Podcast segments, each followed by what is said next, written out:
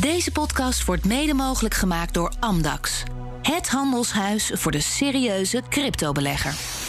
Welkom bij deel 2 van de CryptoCast nummer 203. Het podcastgedeelte. In het eerste deel hebben we het gehad op de zender van BNR over het laatste crypto-nieuws. Vind je als de vorige aflevering 203a. En nu praten we door over het euro-dollar systeem, over goud en bitcoin. Met eh, Sander Boon, politicoloog en auteur van het boek Van Goud tot Bitcoin. Welkom, Sander. Ja, dankjewel. Schitterde door afwezigheid in het uh, uitzendgedeelte. Dat had technische oorzaken, die hebben we intussen onder uh, de duim. Dus welkom inderdaad. En co-host Paul Buitink is er nog steeds. Managing Director van Holland Gold. Hoi. Hoi jongens. Goed dat jij er ook bij bent. Voordat we beginnen nog even dit. De cryptomarkt professionaliseert.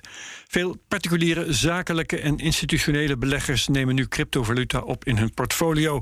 En toch wordt het cryptodomein vaak nog gezien als een anoniem online gebeuren. Voor Amdax is het juist persoonlijk en volkomen persoonlijk. Cryptovaluta opslaan, verhandelen of het beheer van je cryptovermogen volledig uit handen geven. Amdax is er voor de serieuze cryptobelegger die zijn portefeuille wil onderbrengen bij een veilige en professionele partij. Goed, Sander Boon. Ja. in uh, in uh, jouw boek Van Goud tot Bitcoin uh, tref ik in het begin iets aan over ja, een hele estafette van wereldrijken die opkomen met uh, technologie en productiviteit en ondergaan in uh, nou ja, corruptie, inflatie, schulden, ongelijkheid, megalomanie.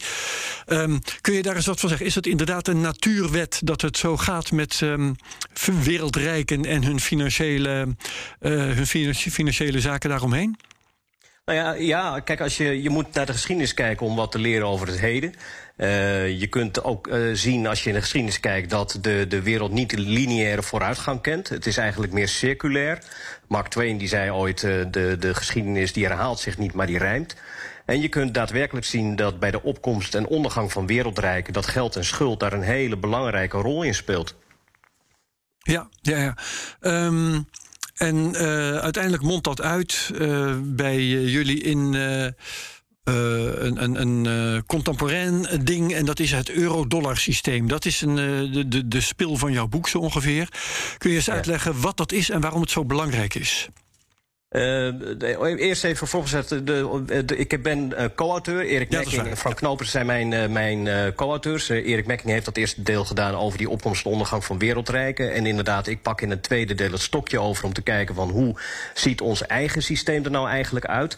En dan als je dan een deep dive neemt en de geschiedenis induikt van, van de opkomst van de dollar en het dollarsysteem, dan leer je op een gegeven moment te zien dat, de, dat is de, de, de wereld, de geldwereld, de financiële wereld, er heel heel anders uitziet eigenlijk dan dat wij elke dag via de kranten en uh, de media tot ons krijgen.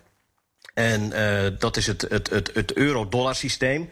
Wat in, uh, in 1955 is, is, is ontstaan. En eigenlijk, uh, het is heel moeilijk om te vertellen van nou, wat is nou een euro-dollar? Um, maar eigenlijk zou je kunnen zeggen dat de, de, de eurodollar een, een offshore privaat geldsysteem was uh, of is dat niet onder toezicht staat van centrale banken en ook daadwerkelijk de eerste paar jaar onder de radar van centrale banken is gegroeid. Um, en uiteindelijk zo groot is geworden dat centrale banken dat hebben omarmd. Ja, um, ik uh, wil proberen dat te begrijpen, want uh, ik, ik, ik heb het nog niet helemaal uh, in, in, mijn hoofd zitten. Um, ja. Het is in 1955 ontstaan, zeg jij. Het is dus niet hoe moet je dat nou zeggen, gesticht of gegrondvest met opzet door een of andere instantie of autoriteit of land of wat dan ook, of, of, of samenstel van landen. Het is gegroeid. Um, ja. Kun je uitleggen hoe dat, hoe dat groeien is gebeurd? Nou, we hebben natuurlijk een verwoestende Tweede Wereldoorlog gehad. En na de Tweede Wereldoorlog kreeg je de, de nieuwe monetaire institutie Bretton Woods uh, in, in um, uh, samenspraak met het IMF en de Wereldbank. En dat, dat was is de koppeling een... van de dollar aan goud, hè? Aan goud en de koppeling van westerse uh, munten aan de dollar. Ja. En uh, dat was een institutioneel framework waarbij de, de mensen die dat hebben bedacht, hebben getracht een, een, een, uh, in de chaos een stukje structuur te brengen, zodat de, de wereldeconomie weer kon, kon opbloeien. Ehm, uiteindelijk ehm, bleek dat um, datgene wat dat framework bood niet voldoende was om um, financiering te creëren en, en geldstromen te creëren voor de financiering van de wederopbouw. uiteindelijk is er een, een, een, een uh, dat was een, structuur met vaste wisselkoersen, met veel um, uh, centrale banken die heel veel interveneerden in, in de geldmarkt. Banken werden zeer uh, strak, uh, stonden zeer strak onder toezicht. En uh, zelfs in Amerika waren er, renteplafonds, waarboven de rente mocht niet hoger zijn, mochten de banken niet, niet, oh. niet bieden. Hm. Um, en uiteindelijk um, was er een omstandigheid in London City. Uh, in 1955. En London City, moet je begrijpen, is, een, is in wezen een belastingparadijs. In de zin dat London City, de Square Mile, zelfs een eigen parlement heeft. Um, en dat betekent dat, dat uh, bedrijven die zich daar vestigen en, en, en uh, medezeggenschap hebben over de wetten die daar worden uh, ingevoerd, die hebben een eigen, ja, een soort niemandsland gecreëerd waarbij de wetten van Engeland niet gelden.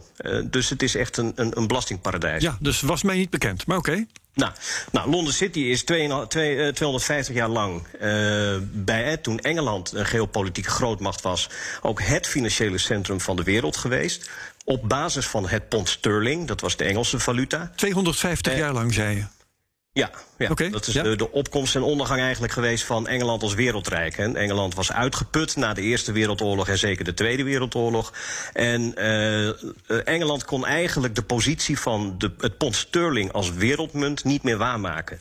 En dat betekende dat London City een probleem had in de zin dat ze wilden nog wel financiële wereldmacht zijn, maar dat kon niet meer op basis van het pond sterling, zeg maar de thuismunt. Mm uh, uiteindelijk door de renteverschillen, door um, uh, allerlei problemen die er waren bij de financiering van de wederopbouw, um, stroomden er uiteindelijk dollars naar London City vanuit Amerika. Ja. Die kwamen bij, in deposito bij banken terecht. En er was één bank, de Midland Bank, die op een gegeven moment dacht van... wacht eens even, ik kan die dollardeposito's gebruiken... om overnight mijn eigen posities af te dekken. Uh, dus die ging dat gebruiken, die ging die dollardeposito's gebruiken... Uh, in, in, in, in technische zin. Nou, steeds meer banken gingen dat doen. En moet ik eerst, eerst even proberen te zorgen dat ik dit begrijp. Hoe bedoel je dollardeposito's gebruiken om posities af te dekken? Zou ik iets ja, beter willen begrijpen? Uh, ze hebben, uh, kijk, een, een, bank heeft een balans en die probeert altijd in te lenen en uit te lenen. En, en die heeft kredietpositie openstaan. En um, uh, die moeten ze afdekken, want ze hebben een soort reserve requirement. Hè, mm -hmm. Ze moeten bepaalde reserves aanhouden. In ponden sterling of in andere reserves. Nou, in ponden sterling kon dat niet. Dat mochten ze niet van de Bank of England. Dat was ook een herenakkoord tussen de banken in London City. Dat ze dat niet in ponden sterling konden doen. Dus ze konden niet bij elkaar lenen interbankair om aan hun reserve requirements te voldoen. Maar dat kon in principe wel via de dollars, die ze dan kon, weer konden omruilen in sterling, zodat ze dat toch konden aanvullen. Oké. Nou, dat, dat was een, een, een technische truc. Uh, en daar ging in, in beginsel een paar miljoen uh, dollar in om. En steeds meer banken die zagen die. Dat was heel weinig. Het was de, de, maar het was een heel mooi effectief middel om toch aan, aan je requirements te kunnen voldoen. Mm -hmm. En andere banken zagen dat ook en die gingen dat ook doen. Nou, de, de Bank of England die heeft dat oogluikend toegestaan. En uiteindelijk um, konden steeds meer Amerikanen, Amerikaanse banken, profiteren van de hogere rente in London City. Dus er gingen steeds meer dollars richting London City. Um, uiteindelijk uh, rente daar... op, uh, op het pond dan in dat geval. Ja, op de, ja. de, de, de, de bankairrente. Ja. En uh, uh, nou, dat, dat, dat circuitje dat groeide en dat bloeide. En uiteindelijk um, uh, werd dat een soort interbankair dollarcircuit. En, en dat werd uiteindelijk euro-dollars genoemd. En, en waarom euro-dollars? Uh, dat heeft dus niets met de euro te maken. Ja, want die bestond nog niet. Uh, maar dat is de, de, de, uh, op basis van die dollardeposito's konden ze ook dollarkredieten gaan creëren. En dat waren dollarkredieten die dus ontstonden in het eurogebied, Londen. Ja. En vandaar euro-dollar. En dat was een dollar die, die dus niet onder toezicht stond van de Federal Reserve, de Amerikaanse centrale bank. Uh, dus er ontstond eigenlijk ook een embryonaal kredietsysteem, interbankair, uh, waarbij banken in dollar uh, gingen financieren. Mag ik het heel simpel zo zeggen? De, de, in Londen lag een hele grote hoop dollars in, in Europees beheer. En daar ging Europa mooi weer mee spelen. Is dat ongeveer wat er gebeurde? Nou, de banken in Londen City gingen daar mooi weer mee spelen. Ja. En dat was ook zo lucratief dat op een gegeven moment Amerikaanse banken erachter kwamen van als ik nou een dochteronderneming in Londen City sticht, uh, dan kan ik onder de eigen regels van onze eigen toezichthouder uit. Want dan kan ik via mijn dochter dollars inlenen die ik niet mag inlenen bij mijn eigen bankencollega's uh, in Amerika zelf op Wall Street. Uh, dus het was een soort een heel een grijs dollarcircuit uh, dat oogluikend werd toegestaan door de Bank of England en uiteindelijk ook door uh, de Federal Reserve in Amerika, omdat de Federal Reserve en het ministerie van Financiën in Amerika zoiets had van hé, hey, als die dollar um, steeds meer gebruikt wordt, dan is dat ook gunstig voor ons. Ja. Want dat geeft ons meer macht. En um, ja, oogluikend toegestaan, zeg je al. Wat, uh, leverde dat, dat, wat leverde dat voor risico's op? Want het was waarschijnlijk niet vrij van risico's. Nee, en dat, dat zagen de, de, de bankiers van de Bank of England in het begin eigenlijk ook al heel vroeg. Uh, want er was natuurlijk een, een, een, een kredietsysteem aan het ontstaan waar geen toezicht op stond. En ze hadden ook niet echt inzicht in wat dat zou doen met de monetaire aggregaten, met de inflatie, met uh, boom-bust cycles. Uh, daar hadden ze eigenlijk allemaal geen kijk op. Want ja, het was zo nieuw dat, dat eigenlijk niemand begreep het goed. Um, en in, in, pas in 1963 bijvoorbeeld, acht jaar na de eerste euro-dollar-transacties, uh, um, ging de Bank for International Settlements in Basel, uh, de bank der centrale banken, uh, ging pas data vergaren over hoe groot die markt nou eigenlijk was en hoe snel die groeide. Um, dus het was een, een, een, ja, een onder de radar groeiend privaat dollarsysteem. Uh, dat voor heel veel partijen heel lucratief was. En uh, want als er krediet wordt gecreëerd en de economie groeit en daardoor nemen de belastinginkomsten toe, ja, dan is het een soort win-win-win situatie. Ja. En de, en de risico's die werden eigenlijk um, um, uh, ja, die werden genomen met het idee van nou ja, als er wat misgaat, dan kunnen we het misschien wel repareren. Ja, maar wat zou er mis kunnen gaan? Dat heb ik volgens mij nog niet gehoord.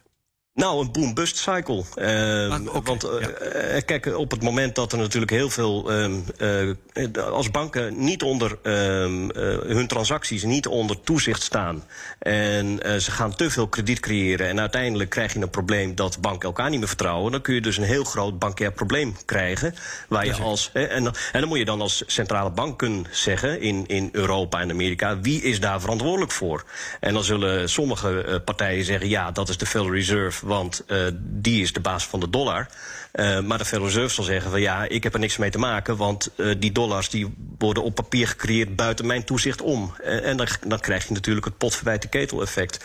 Dus er, groeide iets en niemand wilde daar verantwoordelijk voor zijn. Ja.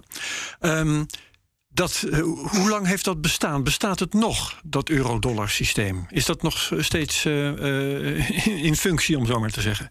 Ja, dat is nog steeds in functie. Alleen het is in de, in de loop der jaren natuurlijk heel erg in functie veranderd. Uh, Wat is er, dan veranderd? ja? Nou, er zijn heel veel crises uh, geweest. Het, het, was, aanvankelijk was het dat krediet werd gecreëerd vanuit dollar deposito. Hè, de dollars die werden gestald in London City en in, uh, steeds meer in andere belastingparadijzen, moet ik er ook bij zeggen. Dus uh, ook Singapore, Man, alle kroondomeinen van Engeland, voormalig kroondomeinen, die, die, dat zijn belastingparadijzen, de Bermuda-eilanden. iedereen ging eigenlijk in dat circuit meedoen. En um, um, dus de, de, de werd steeds meer um, uh, gecreëerd. En uiteindelijk niet alleen op basis van dollar deposito, maar uiteindelijk ook uh, uit het niets. In de zin van uh, op papier. Um, met, met valuta swaps, met, met, uh, uh, maar de, de, het is eigenlijk zeg maar een soort, de dollar is een soort taal geworden, een intermediair, een, een smeermiddel uh, tussen alle financiële partijen met andere valuta om uh, handelstromen te faciliteren, om uh, geldstromen te faciliteren, om derivaten te kunnen afdekken. het is een soort, de eurodollar is een intermediair geworden die nog steeds bestaat. In de zin dat um, iedereen, alle financiële instellingen in de wereld, um, ook handelen en rekenen in dollar en transacties doen in die eurodollar. Ja om, uh, om nogmaals ook, ook handelsstromen te financieren. Bijvoorbeeld als een, een, een bedrijf in, in Zweden uh, auto's of verkoopt of auto's koopt in Japan dan zouden ze elkaars um, valuta kunnen gebruiken, de yen en de kroon. Alleen dat is een, een heel omslachtig um, uh, idee. Terwijl als de financiële instellingen van die landen met elkaar ook met elkaar kunnen praten aan de, uh, in, in dollar, dan kunnen de transacties veel makkelijker en efficiënter worden uitgevoerd. Ja. En in die zin bestaat het euro-dollar systeem nog steeds. Sander, hoe, hoe, groot is dat dan ongeveer naar, naar jouw inschatting? Als je dat ook vergelijkt met het reguliere dollarsysteem. Het reguliere dollarsysteem hebben we natuurlijk de bankbalans, we hebben de centrale bankbalans. We kunnen daar een cijfer aan plakken. Maar hoe verhoudt zich dat dan tot het euro-dollar systeem? Ja, dat is inderdaad een heel uh, lastige. Je, kunt bijna zeggen, je hebt een, in de wereld 400.000 miljard aan, uh, aan uh, schulden. Um, 400 trillion. Um, um, Michael 400 biljoen zeggen we dan in het Nederlands. Ja, 400 biljoen inderdaad. Zo is het wel, ja. Precies. Ga verder. Uh, uh, nou, dat zijn schulden die moeten worden doorgerold of afgelost. Nou, dat, stel dat dat een gemiddelde is van 5%, dan kom je op, op 80 biljoen... wat per jaar moet worden doorgerold of afgelost. En, en, en dat gebeurt allemaal in die euro-dollarmarkt. Uh, de, de Bank for International Settlements die kwam in 2017 met een, een rapport... waarbij ze um, uh, zeiden van wacht eens even, in de, de foreign exchange, in de forex swaps, uh, missen wij gewoon een heel groot gedeelte van, van, van kennis, omdat 14 biljoen aan dollar swaps met renminbi, Chinese uh, munt, niet op de balans van banken staat. Heel veel van die euro-dollar transacties staan niet SEC op de balans van banken, maar kun je eigenlijk alleen maar terugvinden in, in de voetnoten. Uh, Jeffrey Snyder van Alhambra die noemt dat altijd footnote dollars. Um, omdat het eigenlijk, ja, nogmaals, het zijn geen echte dollars die je op je balans hebt staan. Het, zijn, het is het smeermiddel, het is de taal ja. van transacties waarin men praat. Dus in die zin kun je zeggen, hoe groot is het? Nou, het is alomtegenwoordig. Uh, en, en, en dat is denk ik ook het probleem van de huidige tijd. Dat, dat uh, centrale banken bijvoorbeeld, die hebben in dat systeem eigenlijk nog maar een marginale rol in de zin dat zij geen um, uh, toekomstgerichte uh, kredietcontrole hebben of de economie kunnen sturen. Alleen achteraf nog in staat zijn om crisis ja. te blussen. Ja. Paul Berg, um, kende jij dit, uh, dit fenomeen voordat jij het boek van Sander en consorten onder ogen kreeg eigenlijk? Ja, ik kende het wel, uh, maar het, ik heb het altijd een beetje genegeerd uh, in, in zekere zin. En nu ben ik het steeds beter aan het begrijpen. Maar het, ik heb nog steeds wel hoofdpijn ervan soms. Met name de, de, de notie dat een centrale bank inderdaad... Ik dat ik niet de enige ben. Nee, dat de centrale bank eigenlijk helemaal niet centraal is... en ook geen, geen weinig macht heeft. Ik dacht altijd de centrale bank is de schooldirecteur... maar eigenlijk is het meer de conciërge die af en toe rommel moet opruimen. Hè, Sander, als ik het een beetje samenvat. Ja. En, ja. Um, en ook hebben ze weinig invloed op, op rentestanden. Uh, wordt ook uh, beweerd door jou, Sander. Dus het, het leidt bij mij wel tot een hoop uh, vragen en pijn. Maar ik vind het een interessant paradigma. En ik hoop het allemaal goed te begrijpen. En ook beter te begrijpen na deze podcast. En met name ook wat nou precies het, het verschil is. En want ik heb ook gelezen in je boek dat het soms niet heel duidelijk is of iets nou een, een euro-dollar is of een gewone dollar. Dus het is moeilijk te meten. En het is ook nog eens vrij moeilijk te definiëren. Ja, nee, dat, dat, klopt, ja. dat klopt helemaal. Dat is het, het lastige dat je hebt in de Amerikaanse dollar. Je hebt in wezen twee dollars. Je hebt een Amerikaanse dollar die onder toezicht staat van de Federal Reserve. Met reserve requirements en, en, en wat al niet. En je hebt de eurodollar die niet onder controle staat van de, van de Federal Reserve. Maar wel een dollar is en wel uh, on par is eigenlijk. Hè, dus gelijk staat in waarde en, en, en rente aan die dollar. Um, uh, dus de, het is heel erg uh, hybride. Het is, het is publiek-privaat.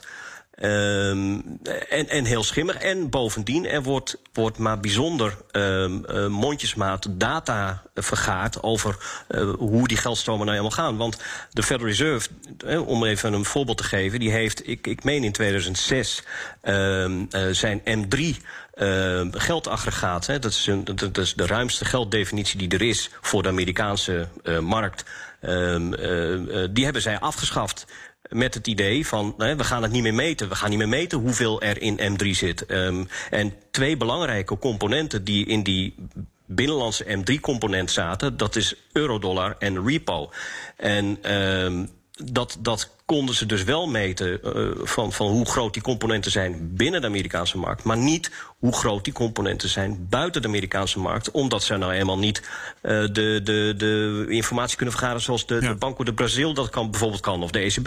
Ja. En, en, en dus toen zeiden van nou, we kunnen het niet meten, nou dan, dan schaffen we maar de hele meting af. Want dat was voor heel veel uh, mensen in de, in de Bitcoin-community uh, uh, een, een, signaal van: oké, de centrale bank is gestopt met het meten van M3, want het groeit zo hard en ze willen maskeren dat er zoveel inflatie aan gaat komen. Dat werd op die manier gespint. Maar jij zegt nee, het was gewoon onmacht vanuit de Fed om, om goed te meten wat er eigenlijk allemaal gebeurt in die euro-dollarmarkt.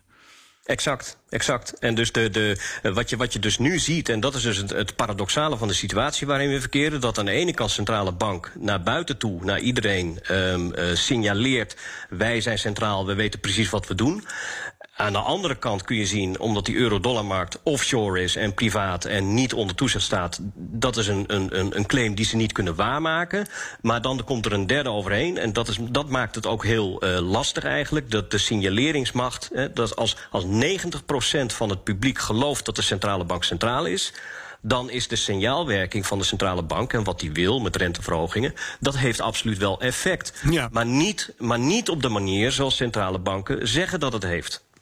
Um, intussen valt me wel op, Paul, dat jij, uh, jij noemt het een paradigma. Um, simpel gezegd een manier om naar de zaken te kijken. Uh, betekent dat dat een ander paradigma, dat, dat zeggen het, het gebruikelijke van nou de centrale banken zijn gewoon de baas en zo, dat, dat, dat je dat ook nog steeds kunt volhouden? Dat er dus eigenlijk twee uh, concurrerende zienswijzen zijn op het hele financiële systeem? Nou, ik zit zelf nog een beetje in de twilight zone. Want uh, enerzijds, als je goed luistert naar, naar Sander en zijn boek leest, maar ook mensen als Jeff Snyder volgt, dan, dan kun je stellen: oké, okay, de rente is al 40 jaar aan het zakken. Eigenlijk heeft euro dollarmarkt gezorgd voor heel veel extra liquiditeit wereldwijd, ook voor heel veel handel. Maar heeft het af en toe geleid tot een, tot een excess, tot een boom-bust cycle. En we zagen in de Latijns-Amerika-crisis in de jaren 80, we zagen het eind jaren 90 in Azië en met long-term capital management. En in 2008 zagen we het met de crisis. En recent zagen we het weer in 2020 maart. Dus iedere keer af en toe ontspoort dat euro-dollar systeem omdat er te veel liquiditeit is. Um, dus dat, dat is die zienswijze. En onder meer wordt er dan gesteld: oké, nu zijn de rentes relatief laag. Uh, dus dat betekent dat de markt gewoon geen inflatie verwacht op lange termijn. Want anders hadden ze wel hogere rentes gevraagd. Um, en, maar dat is een manier om naar te kijken. Maar tegelijkertijd zie ik wel gewoon hele duidelijke inflatie momenteel. Moment, ja. en, en als dat de komende jaren aanhoudt, dan, dan lijkt het toch uh, dat die hele uh, rente- en obligatiemarkt toch behoorlijk is, is beïnvloed door het beleid van centrale banken. En hebben ze toch meer macht dan Sander wellicht ons doet laat geloven. Ja, nou, Sander, zeg het eens. Uh, ja, dan, kijk, op wat betreft die inflatie. Um, um, uh, ik denk dat er wat, wat de huidige inflatie betreft geen sprake is van een monetair fenomeen. He, ze zeggen, je hebt de quantity theory of money van, van Friedman, die zegt uh, de, de inflatie is altijd de uiteindelijk een monetair fenomeen. Die wil zeggen, uh, het is misschien, er is wel inflatie, maar die is misschien helemaal niet ver, veroorzaakt door een overmaat aan geld. Exact, exact. Want die, die, um, als je een beetje kijkt naar wat, wat de, de, huidige centrale banken aan, aan invloed hebben op de kredietcreatie, dan is dat nihil. Ja. In de zin dat ze, de, ze kopen wel, ze hebben wel uh, quantitative easing, hè, kwantitatieve verruiming, waarbij ze uh, onderpand opkopen uit de markt. Maar dat heeft eerder een deflatoire werking en een verkrappende werking. Dat is misschien heel technisch, maar dan, dan dat het liquiditeit verruimt. En um, uh, dus, dus wat je ziet als, als inflatie, dat is volgens mij veel meer het gevoel gevolg van overheden die wereldwijd als gevolg van die lockdowns uh, de vraag-aanbodcyclus in de reële economie heel, helemaal hebben verstoord. Uh, met allerlei knock-on effects. En, en, en het is een soort rimpeling van als je een steen ja. in de vijver gooit, dan, dan gaan die rimpels die gaan heel ver. En die energiemarkt denk, daar nog bij, bijvoorbeeld. Exact. En, ja. en, en dat is dan weer een, een fout van Europees beleid die geen uh, gas hebben ingekocht in de zomer, nou, enzovoort enzovoort. Dus er zitten ook beleidsfouten in. Um, en, en dat heeft allemaal knock-on effects. En dan kun je zeggen, ja, inflatie. En centrale banken die willen al tien jaar inflatie. Uh, maar iedere keer uh, komt die maar niet. Maar Sander, en dat komt omdat... Ja? ja sorry, nee, maak je zin af. Nou ja, als je, als je eigenlijk kun je zeggen dat vanaf de kredietcrisis in 2009 dat dat euro-dollar systeem uh, zich heeft gerealiseerd dat er veel meer risico's in zaten. Uh, uh, wat, wat natuurlijk in, in, in periodiek is voor, voorzien door een aantal centrale bankiers.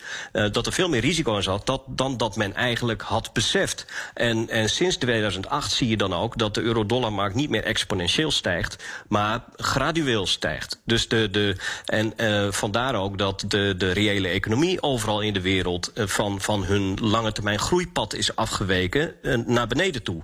Um, dus je ziet dat, dat de, de, ook daarin de dynamiek een beetje uit het euro-dollar systeem aan het verdwijnen is. Omdat de risico's gewoon te groot worden ingeschat. Maar je oh. zegt dat, dat de inflatie is geen, in dit geval mogelijk geen monetair fenomeen, maar vooral verkeerde uh, beleidsbeslissingen en een, en een tekort aan aanbod.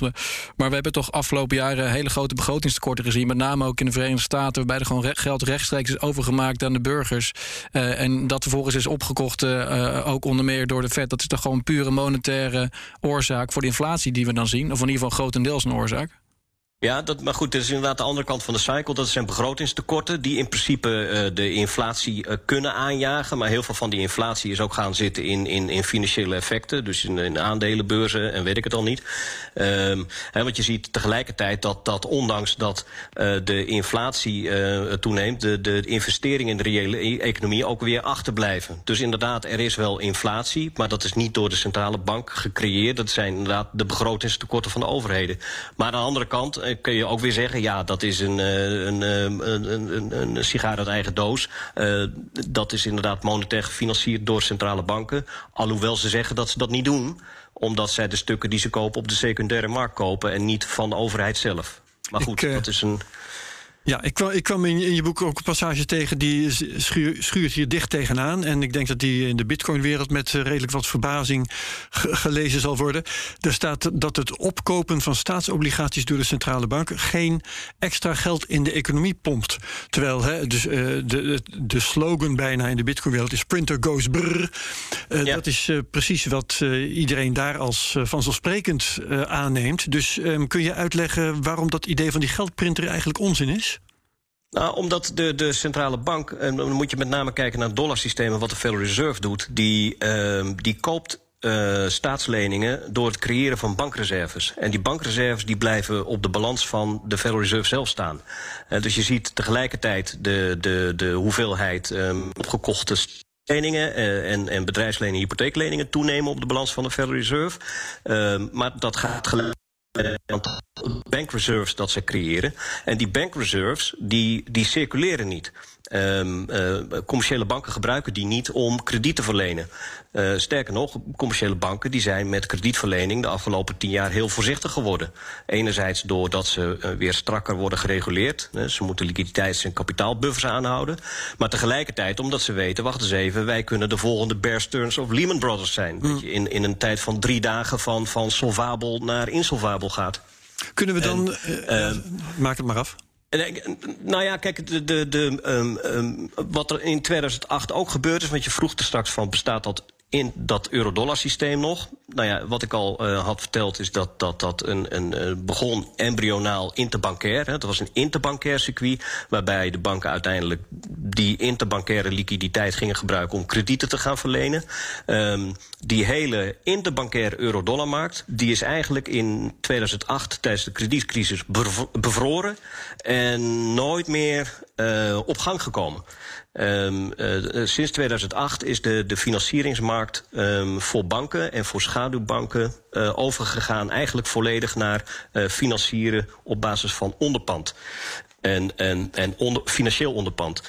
En dan moet je denken aan, aan staatsleningen. Of, of mm -hmm. nou ja, geen hypotheekleningen meer, want sinds 2008 zijn ze daar heel voorzichtig mee. Maar eigenlijk met name staatsleningen. En die um, uh, staatsleningen, uh, dat is de, de, de. En dan heb je een Amerikaanse staatslening. Die markt is het meest liquide die er is. Uh, dat is de grootste uh, markt, uh, de diepste markt. Daar kun je transacties doen zonder dat het de prijs beïnvloedt. Um, dus die markt wordt heel veel gebruikt om, om, om te financieren en om, om geld in te lenen, ja. om, om leningen door te rollen. Alleen, um, op het moment dat de centrale bank zegt... ik ga met kwantitatieve verruiming staatsleningen opkopen om uh, bankreserves in het systeem te pompen... dan zeg je eigenlijk, ik haal het beste onderpand uit de markt... Uh, dat de markt gebruikt om zichzelf te financieren. En tegelijkertijd geef ik er bankreserves voor terug... die de banken niet gebruiken om uh, kredieten te verlenen. Dus in, in eigenlijk zou je kunnen zeggen dat het, het, het opkopen van staatsleningen... en ander kwalitatief hoogwaardig onderpand uit de markt deflatoire of verkrappend werkt. En onderzoek van de Zweedse Centrale Bank en van de Federal Reserve zelf uh, hebben dat, uh, twee rapporten uit 2021, hebben dat ook aangegeven. Ja. Dat als die centrale banken doorgaan met het opkopen van kwalitatief hoogwaardig onderpand, dan voegen ze tot op een bepaald moment, een bepaalde grens die niet definieerbaar is, maar ze, ze voegen um, systeemrisico toe. Want de private partijen die dat onderpand gebruiken, die moeten hun toevlucht gaan zoeken tot het verlengen van onderpandketens of synthetisch onderpand creëren om aan onderpand te kunnen komen, om aan financiering te kunnen komen. Ja. En dat is, dat is misschien heel technisch, maar daarin kun je zeggen dat als dat onderpand wordt opgekocht door centrale banken, dan werkt dat verkrappend. En verkrappend betekent deflatoire en betekent dus toevoegen van risico. Oh. Dus, dus Sander, jij zegt eigenlijk dat uh, kwantitatieve verruiming is eigenlijk kwantitatieve verkrapping. Dus QE is QT. En nu gaan ze QT doen. Dus nu eigenlijk gaan ze dus QE doen, zeg jij. Want uiteindelijk als de centrale banken straks staatspapier weer gaan terugverkopen aan de markt... en het aantal reserves laten afnemen in het systeem... dat er eigenlijk dus meer onderpand wordt gegeven... en dus meer basis voor liquiditeit en kredietgroei. Ja, nou ja, en dan zit je dus in de wall of mirrors met, met wat is nou de echte nou, met wereld. hoofdpijn, hè? Uh, wat, is gewoon... Ja. nee, wat je, wat je dus nu ook ziet is dat uh, de, bijvoorbeeld uh, de, de centrale banken hebben wel signaleringswerking, zei ik al. Dus de, als 90% van de markt gelooft dat de centrale bank zegt wat hij doet en doet wat hij zegt, dan volgen ze dat. Dat zie je nu dus ook bij de aankondiging van renteverhogingen, van de beleidsrente door de Federal Reserve. Um, je ziet dat de, de euro-dollar futures curves, de, de, de, de rentemarkten die reageren allemaal op die korte termijn. En dat creëert op dit moment een nieuw conundrum. Um, en misschien kennen jullie die uitspraak nog van Alan Greenspan uit 2005, meen ik, 2004, 5. Um, toen hij sprak dat de, de Federal Reserve beleidsrente ging toen ook in stappen omhoog. En de lange rente die volgde niet. Dus de lange rente die, die was het niet eens met de voorspelling van de Fed dat de economie beter zou worden. Um, en daarop volgde natuurlijk die kredietcrisis in 2008. En nu zitten we weer in een situatie waarbij de korte markten allemaal het, het idee van de beleidsrente volgen. Dus de, de korte termijn, dat, die, die gaan daadwerkelijk allemaal omhoog. Alleen de lange rente gaat veel minder omhoog. Sterker nog, uh, je ziet in de, in, de, in de wereld al een soort uh, verkoeling van de economie opkomen. Hè. China heeft het moeilijk, de dienstensector in de Verenigde Staten heeft het moeilijk. Um, en je ziet dus de, de, de, de kracht achter de inflatiegolf, die zie je eigenlijk in de reële economie alweer afnemen. En, en nu kan er dus gebeuren wat er in 2018 ook gebeurde. Dus dit, dat zou de tweede beleidsfout zijn van Jerome Powell van de Fed.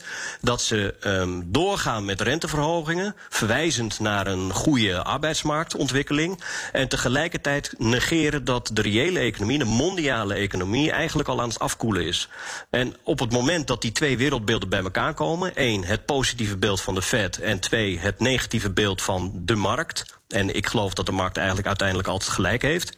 Dat kan er weer voor zorgen dat er een crisis komt, uh, een geldmarktcrisis of een aandelenmarktcrisis, die volgt daar vaak uit, uh, waarbij er een crash komt. En dan zegt iedereen, of de, de, de, de economen en de monetaire economen die dan naar quantitative tightening kijken, hè, van, van het verkopen of het, het ja. uh, uh, verlagen van de balans, die gaan dan zeggen, kijk, die, die crisis komt omdat de Federal Reserve stukken verkoopt in de markt. Terwijl eigenlijk eh, het, de, de, de, de, de, uh, het probleem zich ergens anders aan het voordoen is. Namelijk een, een, een Fed die de beleidsrente, de korte rente aan het verhogen is en het signaleren is dat het allemaal helemaal goed gaat naar de toekomst toe. En een markt die zegt van ja, dat is helemaal niet waar. Ik wil graag met jou het gaan hebben, want uh, we komen langzamerhand tegen het einde aan. Um, over de drie scenario's die aan het eind van jullie boek worden besproken. Ja. En kun, jij die zelf even kort schetsen? Wat zijn, wat zijn de drie mogelijkheden, of ja, de, de, de, de, ja, de drie uh, trajecten die jullie daar schetsen? Nou ja, het, het, eerste traject is een, um, wat je, um, als je de huidige lijn doortrekt van, van wat we, wat, uh, hoe het gaat, dan zie je dat overheden een steeds belangrijker rol krijgen in de sturing van de economie. Uh, ja. Via klimaatbeleid, duurzaamheid enzovoort enzovoort. En een van de redenen is dat de vitaliteit uit het euro-dollar systeem aan het afnemen is sinds de kredietcrisis, wat ik al zei.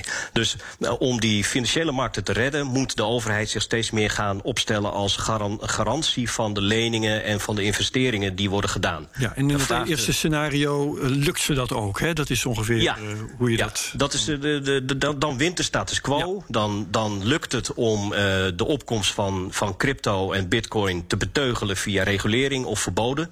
Ehm, maar dit impliceert ook een, een, een situatie waarbij er steeds meer centralistisch wordt gedacht. En de middenklasse wordt uitgehold. En, en de lagere klasse bijvoorbeeld een basisinkomen krijgen. En dat is dus echt een, een, een, de, ja, de, een herijking waarbij de, de, de overheid weer een veel dominantere rol gaat krijgen in de economie. Ja, en wat eigenlijk een verlammende uitwerking heeft en, en de ongelijkheid aanjaagt.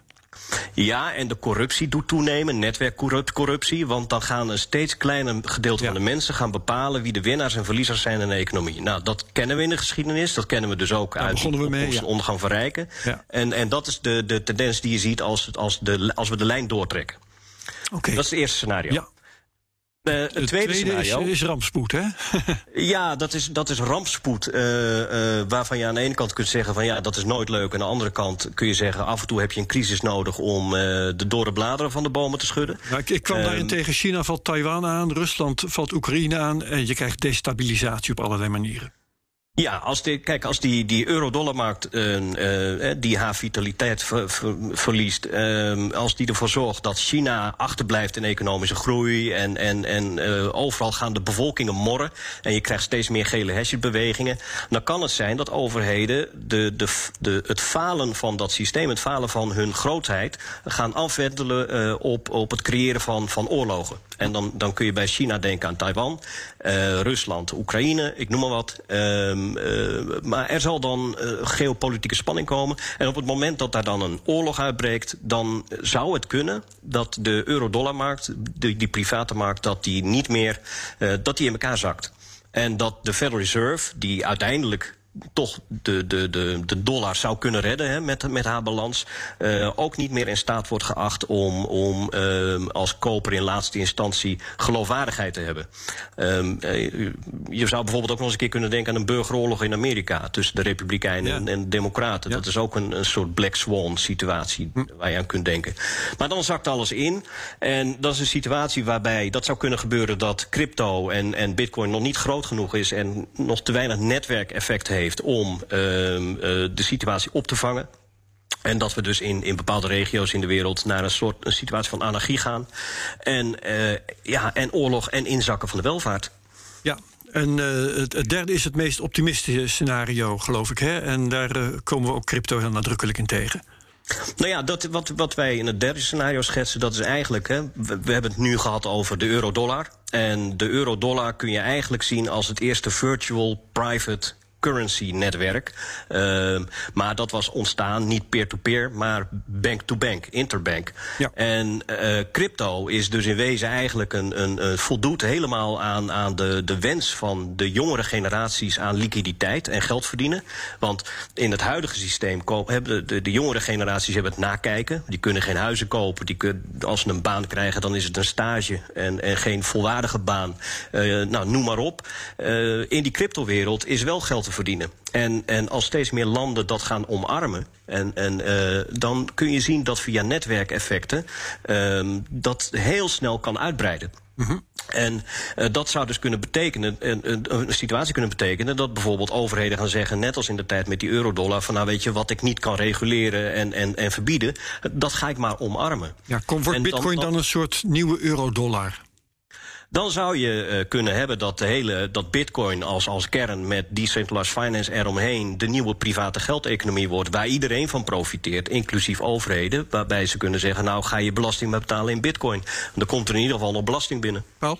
Ja, dat is interessant. Want het probleem natuurlijk nu met het euro-dollar systeem is dat we niet precies weten, uh, bijvoorbeeld met die staatsobligaties, hoe vaak ze worden gebruikt als collateral. Hè. Je hebt dus soms wordt het wel vier, vijf keer uh, verhypothekeerd. Dan heb je zo'n collateral multiplier en dat is compleet diffuus en, en wazig. Op het moment dat we straks Bitcoin hebben als belangrijkste collateral en we kunnen op de blockchain zien hoe vaak en aan wie het is, is, is verhypothekeerd, dan heb je enerzijds wel een, een compleet internationaal netwerk netwerk van, van ledgers en, en partijen. Maar je hebt, de basis is dan in ieder geval een uh, soort van verankerd uh, in de blockchain. Dus dat uh, zou het denk ik wel mooier maken. Exact, en dan kun je zien dat, dat uh, waar we nu de dollar hebben... en, en de dollar is echt een, een, in die zin een geopolitieke munt... en zo heeft Engeland het pond sterling ook gebruikt... Uh, dan kun je zien dat, dat bitcoin eigenlijk niet meer kan worden gebruikt... door één land, SEC, die dan zijn stempel drukt op het mondiale geldsysteem. Uh, maar dat er een, een, net als in ten tijde van de, de, de neutrale goudstandaard, uh, dat er een, een neutraal middel is waar alle landen aan moeten voldoen om met elkaar te kunnen handelen. En ja. dat zou wel eens de welvaart enorm kunnen vergroten. Je, je kunt je wel voorstellen dat, die, uh, dat, dat een situatie waarbij dat zo werkt. Wat ik me moeilijker kan voorstellen is de manier waarop je daar komt. Want dan zou er toch een, een land of een overheid daar belang bij moeten hebben. Die dan die dan eerst dominant wordt en dat dan vervolgens in gang zet. Maar de Chinese overheid wil dit niet, de Amerikaanse overheid wil dit niet, geen enkele overheid wil dit. Dus zou het wel zover kunnen komen? Nou ja, kijk, op het moment dat je een mondiale financiële crisis hebt en de dollar niet meer wordt vertrouwd, omdat er geopolitieke oorlog is. Kijk, op dat moment heb je het meest uh, behoefte aan een wereldmunt waarbij iedereen met elkaar financieel kan praten. Ja, en er is er geen um, enkele overheid die, uh, die machtig is, genoeg is om het tegen te houden, bedoel je? Uh, nou, in, in de zin ook dat je, dat, bijvoorbeeld het IMF heeft zijn SDR's, zijn Special Drawing Right, waar nu inmiddels ook de Chinese renminbi in zit, als, als uh, munt in het mandje. Alleen die munt, die SDR en de waardebepaling van de munten, de weging van de munt in het mandje, dat komt tot, kan alleen maar tot stand komen in tijden dat, dat naties met elkaar praten op vriendschappelijk niveau en met heel veel vertrouwen in elkaar. Op het moment dat je een geopolitieke spanningen hebt in oorlog, nou, dan praat niemand meer met elkaar. Mm. En uh, kan niemand eigenlijk um, uh, iets tegenhouden wat bottom-up aan het groeien is. He, zoals de, de goudstandaard is ook ooit een, een, een fenomeen geweest wat uh, door de markt is verzonnen en uiteindelijk de overheden is omarmd. De eurodollar is een marktfenomeen geweest wat uiteindelijk door overheden is omarmd. Dus ik kan me zomaar een situatie voorstellen dat, dat overheden gewoon helemaal niets te bepalen hebben in een, ja. in een tijd van spanningen. En dat ze uiteindelijk uit opportunisme uh, en eigenbelang gaan zeggen, nou ik ga maar gewoon omarmen datgene wat ik wel moet, want anders heb ik ook niks. En Sander, kun jij percentages hangen aan de drie verschillende scenario's qua, qua waarschijnlijkheid? Ik weet, het is een lastige vraag, maar het is toch leuk voor de kijker om daar een, een beeld bij te krijgen. Ja, helaas. zeg ik. Een derde, een derde, een derde. Ja, dat is ja, ja, ja. God, de goal. Laf, laf, laf, laf. Kijk, mijn, mijn, hoop, mijn, mijn hoop is echt het derde scenario. Want het eerste is, is toch eigenlijk... Een, eigenlijk zijn die eerste twee scenario's zijn natuurlijk net, gewoon nacht, uh, nachtmerrie-scenario's, laten we eerlijk weten. Ja. Er zit geen elan in, geen dynamiek, uh, heel veel corruptie, heel veel ellende. En dat wil je eigenlijk gewoon niet. Uh, dus, dus eigenlijk hoop ik dat, dat uh, we lang genoeg voortmodderen. En dat onder die radar ehm, toch ehm, die crypto wordt omarmd. Dat dat Noord-Korea doet er mee, El Salvador. En, nou, het zijn soms niet de fijnste regimes. Maar ja, de, de wegbereiders, hè, zullen we maar zeggen. Ja, en, en Sub-Sahara-Afrika, dat zijn landen die hebben ja. nooit banken gehad, bewijzen van. Die omarmen allemaal die crypto-economie. En als het maar lang genoeg duurt, en dan kan het heel snel zijn... dat, dat is een, net als met een lawine, dat iets zo groot, zo snel zo groot wordt... dat je daar eigenlijk niet meer tegen kunt uh, zijn. Ja, en, en vooral en, niet dat, dat de landen het omarmen, maar de, maar de mensen in die landen. Dus dat Noord-Koreanen uh, misschien met Starlink, internet straks bij wijze van spreken... toch gewoon uh, crypto kunnen gebruiken... terwijl het regime daar langzaam maar zeker implodeert. maar dat de mensen dan wel volop uh, de adoptie hebben gedaan. Dat, dat, dat heb je het liefst natuurlijk. Nou ja, kijk, het, het interessante van, van, van crypto is dat um, uh, uh, eigenlijk is een, een, een, als je het als, als overheid gaat omarmen, als je zegt van nou we zijn heel liberaal, zoals het Zwitserland, het Zoek, Malta, nee, ik noem maar wat. Ja. Dat, hè, die, die landen zijn allemaal heel erg liberaal erin. Die zeggen nou doe maar. Londen City kan het ook gaan omarmen als ze weer geld willen gaan verdienen. en, en aan de andere kant heb je landen die gaan verbieden, zoals Turkije en, en, en weet ik al niet. En, maar je ziet in landen die het willen verbieden.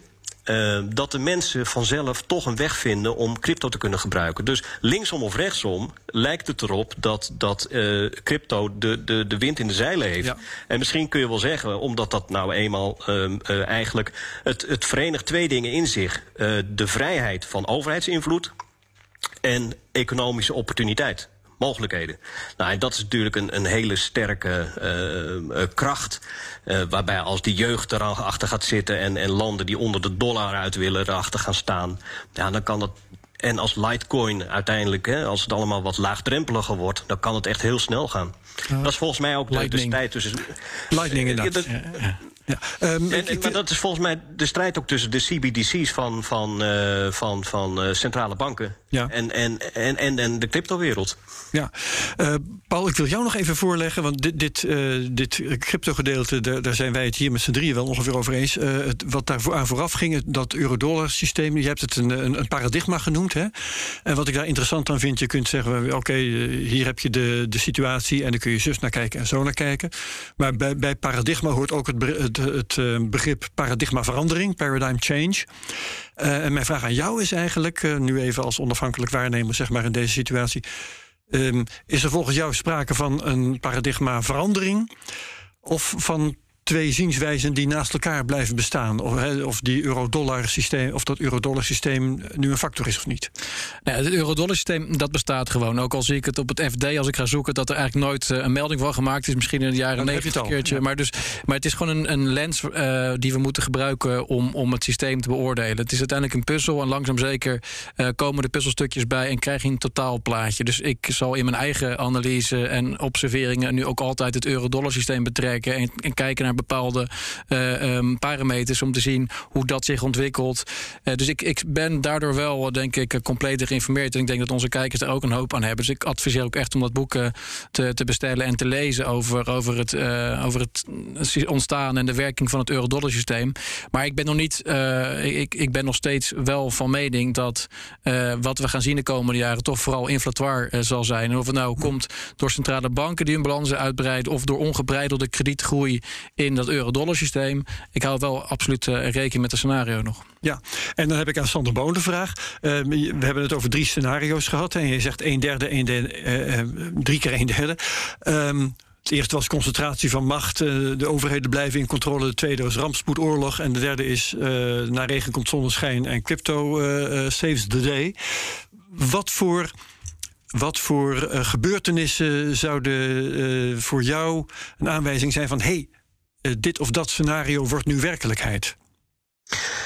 Als. Uh als het daadwerkelijk waar heel veel over gesproken wordt in het Westen... en je ziet dat toch wordt georchestreerd... dat er een, een digitale paspoorten uh, worden opgetuigd... waaraan mensen moeten meedoen om aan het maatschappelijk leven mee te doen...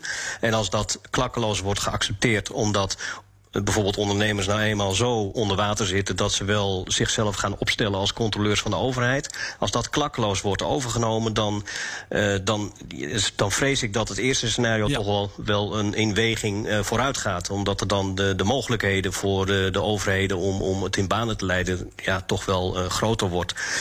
Uh, aan de andere kant, als je kijkt naar wat er nu gebeurt in China, uh, hoe snel dat gaat, als, als dat een, een destabiliserende factor wordt intern, als, als zij uh, bijvoorbeeld Japanse problemen krijgen à la 1989, ja, dan denk ik dat, dat Zoals de spanningen Taiwan... En, ja, ja, ja. Precies. Ja, hè, want, want zij, zij zullen echt een, een, uh, de, de, een, een opkomende middenstand die gelooft dat de, de alle uh, offers die ze hebben gebracht, hè, ook voor die overheid, om, om welvaart te krijgen, als dat geen bewaarheid wordt. Ja, dat kan heel snel omstaan in, in opstand. En dat zal uh, China willen voorkomen. Dus dan denk ik, als, als dat gebeurt, dan, dan denk ik van nou, dan, dus dat zijn twee markers, denk ik, voor mij, die, die toch wel heel belangrijk zijn. Ja, en, en, en in het derde scenario kan het zijn als, uh, als het betaalsysteem makkelijker wordt, waardoor uh, daadwerkelijk uh, crypto kan, kan floreren. Ja, dan, dan ga ik weer wat meer kijken naar dat derde scenario. Ja, nou uh, leuk, dan hebben we een paar dingen om in de gaten te houden. Um, ik denk dat we hier zo'n beetje klaar zijn. Ik maak nog even een rondje van wat wil jij nog kwijt, Paul?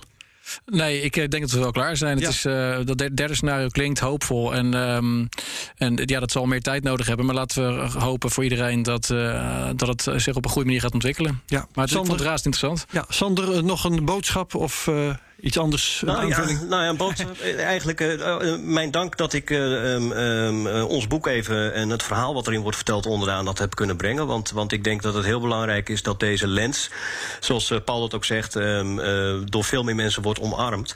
Omdat je volgens mij dan veel beter in staat bent om, om te kunnen kijken wat de ontwikkelingen zijn om je heen en waar het heen gaat. En dat is denk ik zeer belangrijk. Ja, en het boek heet Van Goud tot Bitcoin. Ja, ja. dat is even, even check. Um, dat, uh, hoe kun je dat bestellen? Uh, dat kun je bestellen bij bol.com. Het is ook in e-book inmiddels. En uh, je kunt ook naar onze eigen website gaan. Wij doen dat via Geotrendlines. dan kun je het ook bestellen. Zet het in de. Ehm, en, en, nou ja, dus het is eigenlijk overal voor. En dus zelfs eh, boekhandels schijnen het nu eh, eh, ook op de planken te nemen. No Want shit. de eerste druk is, eh, de eerste druk is heel snel uitgegaan. Dus, Een boek eh, dat zelfs bij de eh, boekhandel ligt. Dus eh, het moet niet gekker worden. dankjewel, Sander Boon. Ehm, en ook dankjewel aan eh, Paul Buitink. En zet de CryptoCast van volgende week meteen maar vast in je agenda. Want dan hebben we een gesprek eh, met wie dacht je? Bert Slachter. Die nu een keer, eh, we draaien de rol een keer om als gast optreedt. En met hem gaan we het hebben over de toekomst van Bitcoin op lange termijn. De co-host is dan Robert Reinder Nedergoed van Bit My Money. Als je deze aflevering leuk vond. Vergeet hem dan niet te delen met je volgers op Twitter met de mensen CryptoCast NL. Eh, reviews kun je achterlaten bij Apple Podcasts. Eh, dan kan eh, iedereen ons beter vinden. Like, subscribe en comment op YouTube. En wat de redactie van CryptoCast betreft, hartelijk dank en tot volgende week. Dag. Deze podcast wordt mede mogelijk gemaakt door Amdax. Het handelshuis voor de serieuze cryptobelegger.